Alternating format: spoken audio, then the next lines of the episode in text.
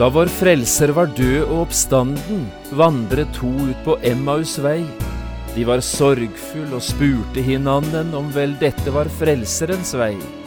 I sitt hjerte de kjempet med mismot, deres ansikt av sorgen var merkt.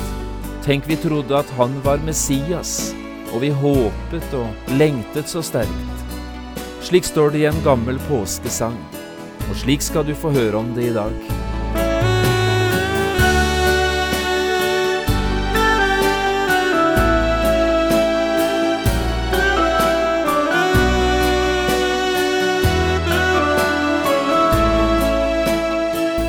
Hjertelig velkommen til et nytt program i serien Vindu mot livet.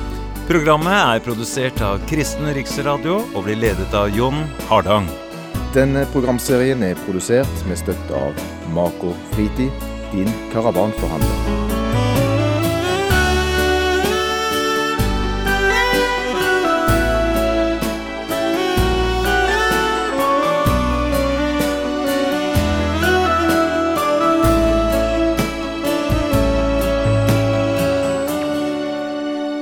Også i dag skal vi fortsette denne bibelundervisningsserien som vi har kalt Etter påskemorgen.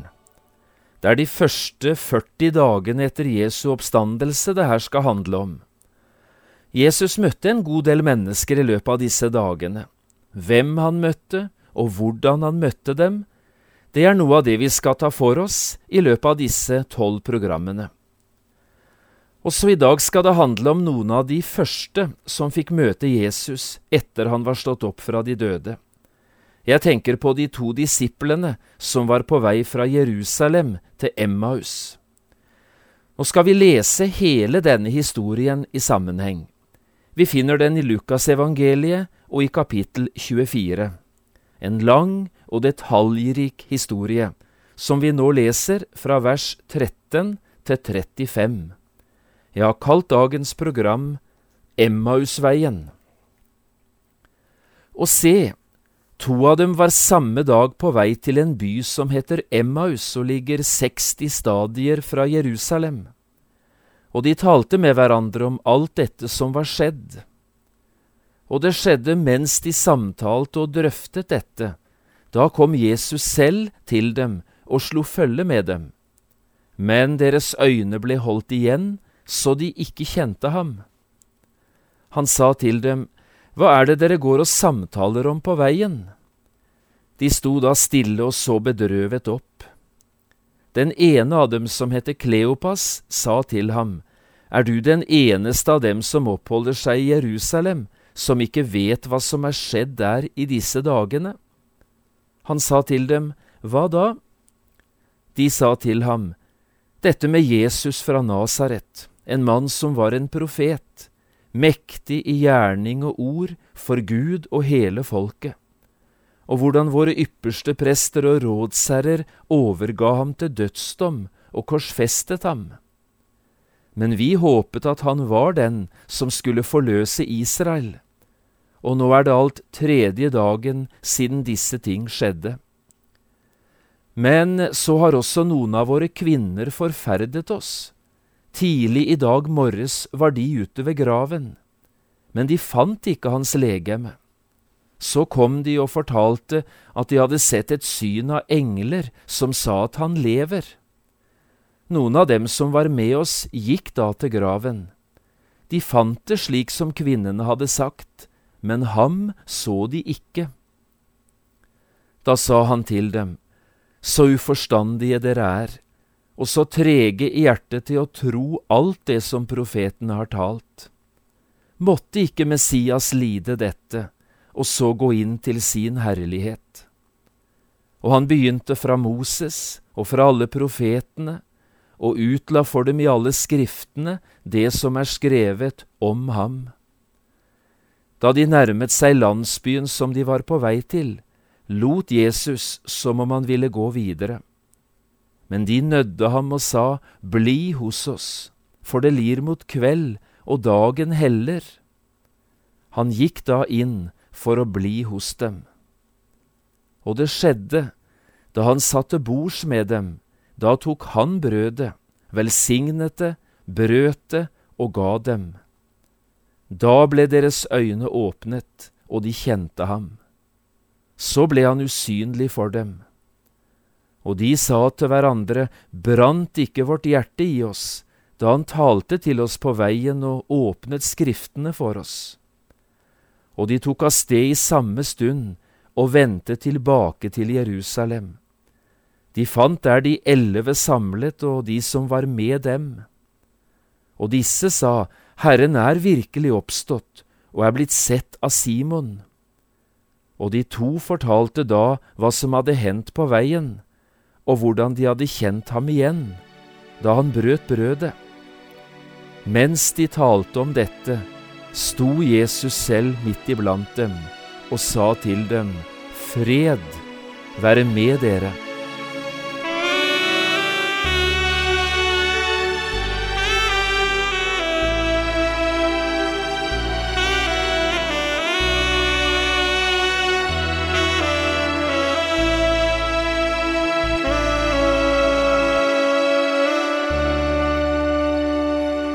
Historien om de to disiplene som var på vei fra Jerusalem til Emmaus, har inspirert en rekke kristne sangforfattere og diktere til å skrive. Her skal du få et par eksempler på nettopp det. Den andre diktsamlingen som den kristne poeten Haldis Reigstad har gitt ut, den ga hun tittelen Ved Kjella. Denne diktsamlingen kom ut i 1989 og den er delt i seks deler, hver del med sin overskrift. I den siste av disse seks delene, med overskriften Eit evig håp, har Haldis Reigstad tatt med et oppstandelsesdikt. På vegen til Emmaus kalte hun dette diktet. Det består av tre vers, og disse versene tar oss med rett inn i den bibelteksten vi nettopp leste sammen. Haldis Reigstad skriver det slik. Jesus var saman med sine på veg fra Jerusalem. Han lyfta dei inn i sin omsorg, dei kjende han ikke igjen. Dei levde i sorga sitt mørke, men hugsa det kvinnene hadde sagt. Han er ikke lenger i grava, han er ikke der han var lagt.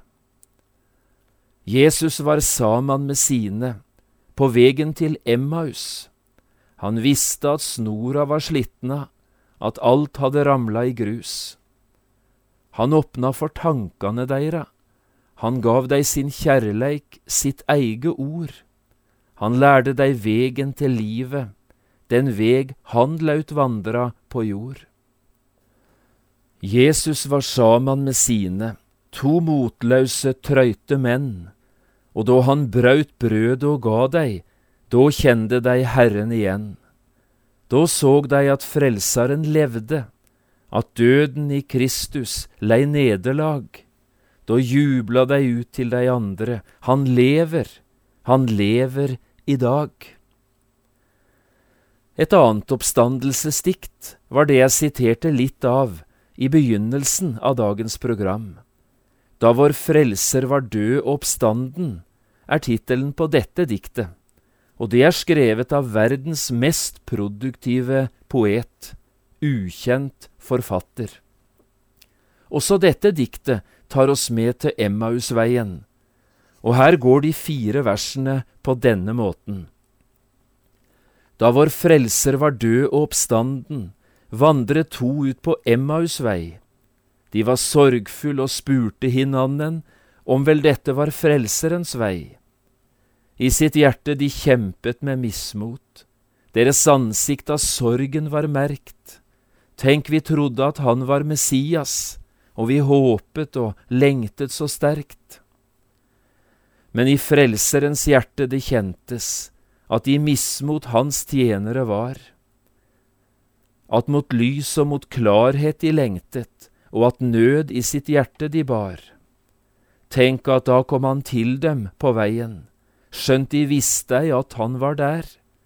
Han fortalte om lidelsesveien, blott fordi at han hadde dem kjær.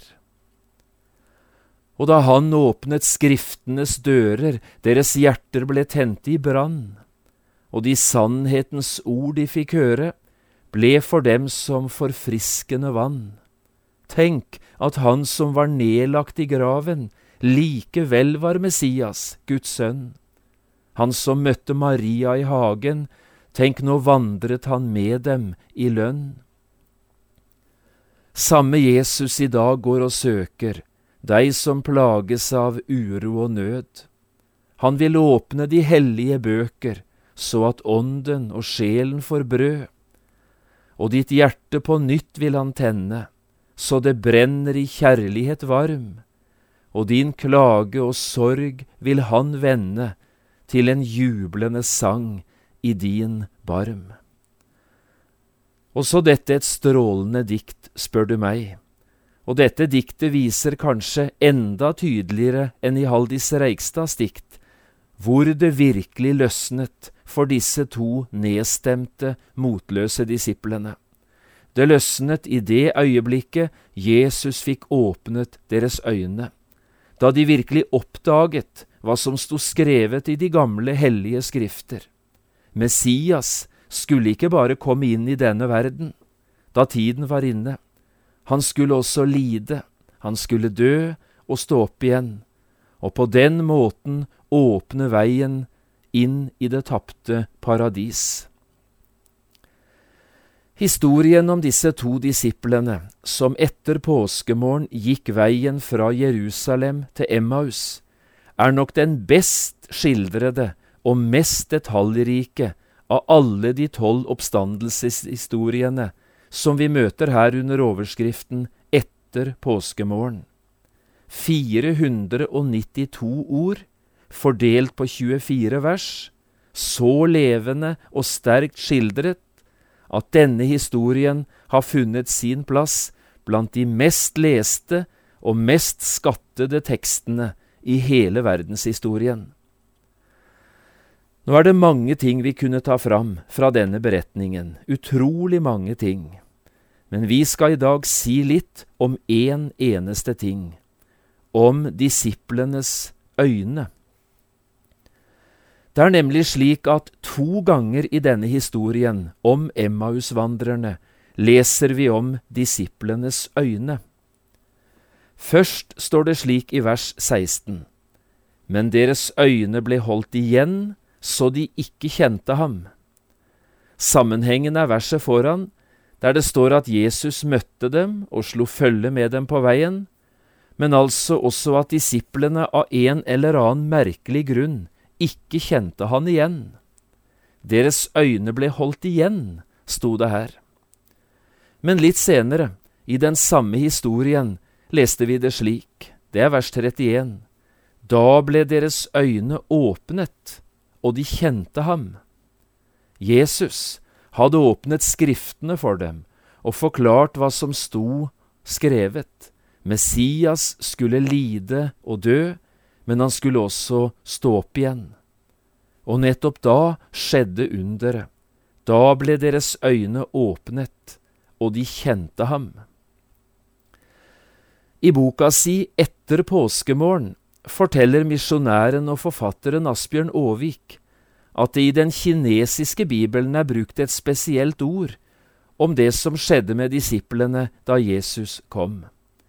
I vår oversettelse sto det altså slik, men deres øyne ble holdt igjen så de ikke kjente ham. I den kinesiske bibelen står det slik, deres øyne var uklare så de ikke kjente ham. Og så et par timer senere, så forandret altså det hele seg. Da ble deres øyne åpnet, og de kjente ham. Det er dette jeg har lyst vi skal si litt mer om i dag, altså dette som har med øynene våre, uklare øyne, som gjør at vi kan miste synet på Jesus, men også åpnede øyne, som gjør at vi ser Jesus og kjenner han igjen når han nå kommer til oss og vandrer sammen med oss på veien. Jeg vet ikke hva din situasjon er i dag, hva du vil si om deg selv du som lytter nå? Har du åpne øyne, så du ser det klart for deg, både hvem Jesus er og hva han har gjort? Eller er kanskje også du en av dem som fortsatt har uklare øyne? Du ser det ikke lenger så tydelig hvor viktig det er, alt dette med Jesus. Emmausvandrerne kjente altså ikke Jesus igjen da han kom og vandret sammen med dem på veien. Dette er i grunnen merkelig. De hadde ganske sikkert vært sammen med Jesus mange ganger før. Hvorfor kjente de han ikke igjen nå? Lukas sier det bare slik, deres øyne ble holdt igjen. Annen forklaring får vi ikke. Et annet spørsmål er kanskje like viktig. Hvorfor blir også ditt og mitt blikk så uklart? Hvorfor er også våre øyne uklare og sløve? Ja, dette finnes det nok flere grunner til, og det er dette vi skal snakke litt videre om akkurat nå. For det første, det kan skyldes alminnelig distraksjon, altså at vi rett og slett mister konsentrasjonen. Nå tror jeg ikke det var tilfellet med Emmausvandrerne. De hadde sikkert mye fokus på det som var skjedd. Problemet var at de bare ikke forsto det. Jesu død var en gåte for dem. Men det går an å miste Jesus av syne rett og slett fordi vi ikke har fokus på han. Vi konsentrerer oss altfor lite om Jesus. Hvor mange ganger har ikke vi opplevd det samme når vi skulle høre værmeldingen? Vi satt og ventet på værvarselet for vår region, men plutselig var meteorologen kommet til værutsikter for de neste fem dagene, og dermed hadde hele værmeldingen gått hus forbi, simpelthen fordi vi hadde mistet konsentrasjonen. Og det samme kan skje også i forholdet vårt til Jesus. For det andre er det noe som heter djevelens listige angrep. Og hvis det er noe som sjelefienden virkelig er redd for, ja, så er det at vi blir for mye opptatt med Jesus. Han gjør alt han kan for å hindre at øynene våre skal være festet på Jesus. Han forsøker på alle mulige måter å få oss til å bli opptatt med andre ting. Slik er det med alle som ikke er frelst. Hør hva Paulus skriver i andre Korinterbrev fire. Er så vårt evangelium likevel skjult? Da er det for dem som går fortapt, det er skjult. For denne verdens Gud har forblindet de vantros sinn, så de ikke ser lyset fra evangeliet om Kristi herlighet, Han som er Guds bilde. Dette var altså en beskrivelse av mennesker som ikke tror. Men nøyaktig det samme kan skje også med Jesu disipler. Også djevelen kjenner nemlig Emmausveien og de mulighetene som ligger der for de som går på den. Derfor gjør han alt han kan for å rote det til for oss, særlig dette med Jesu død og hans oppstandelse.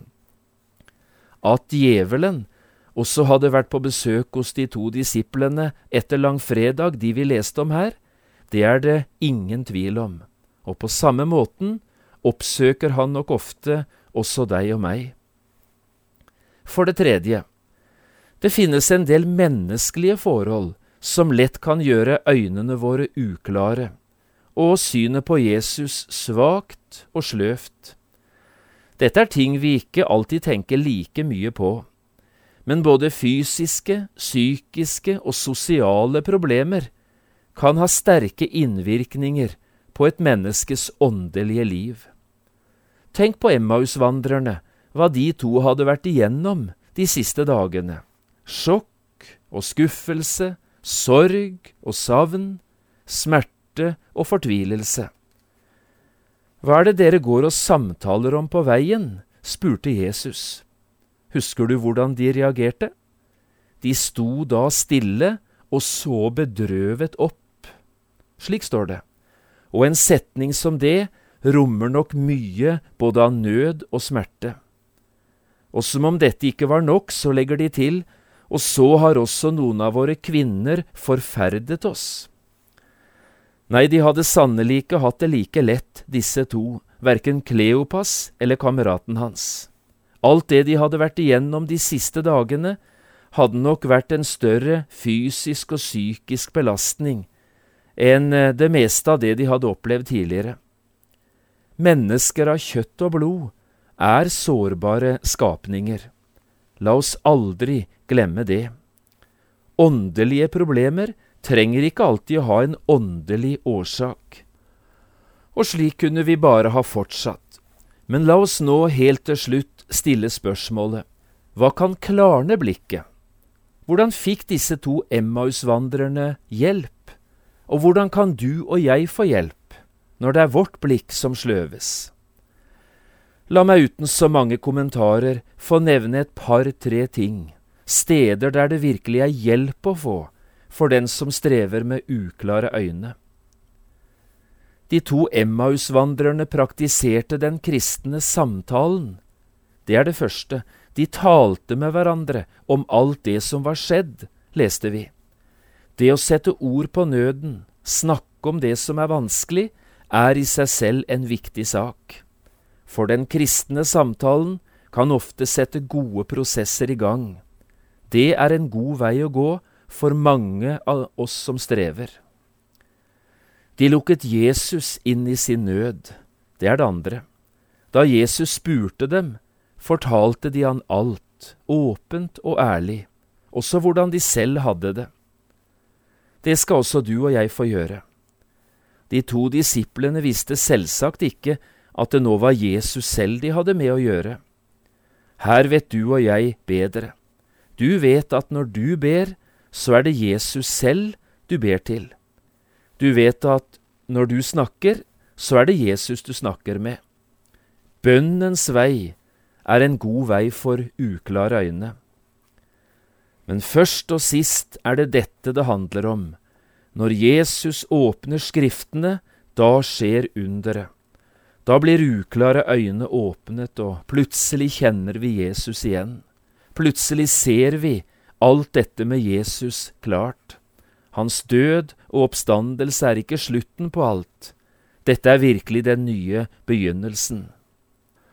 Så avslutter jeg med en bønn som jeg har lyst til å be deg om å gjøre bruk av i kommende dager, du som sliter med uklare øyne. Bønnen lyder slik. Sett meg så jeg ser deg, Jesus, i ditt guddomsord. Ånd på meg, og la meg høre du i ordet bor. Ingen som ber den bønnen, skal bli gående uten å få svar. Jesus skal la høre fra seg. Og så kan underet skje også i ditt liv. Uklare øyne kan bli åpne øyne. Øyne som virkelig ser Jesus.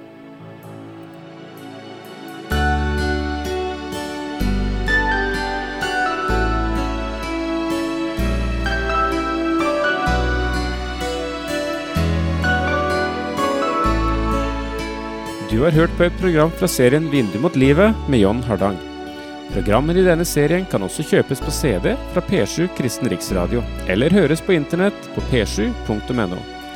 Har du spørsmål eller kommentarer til det du nå har hørt, kan du ta kontakt med oss på telefon. Da bruker du telefonnummer 56 32 17 01. Du kan også sende oss en e-post. Adressen er vml.krøllalfa.p7.no. Takk for i dag, og på gjenhør. Bye.